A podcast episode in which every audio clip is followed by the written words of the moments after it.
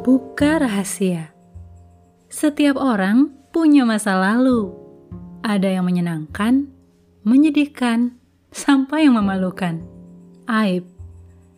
Keterbukaan membutuhkan keberanian. Apakah kita berani terbuka? Termasuk berani menceritakan aib. Untuk orang dapat terbuka, dibutuhkan kepercayaan. Apakah kita orang yang bisa dipercaya dan nyaman saat orang mengisahkan rahasianya? Tentu kita nggak bisa sembarangan menceritakan rahasia.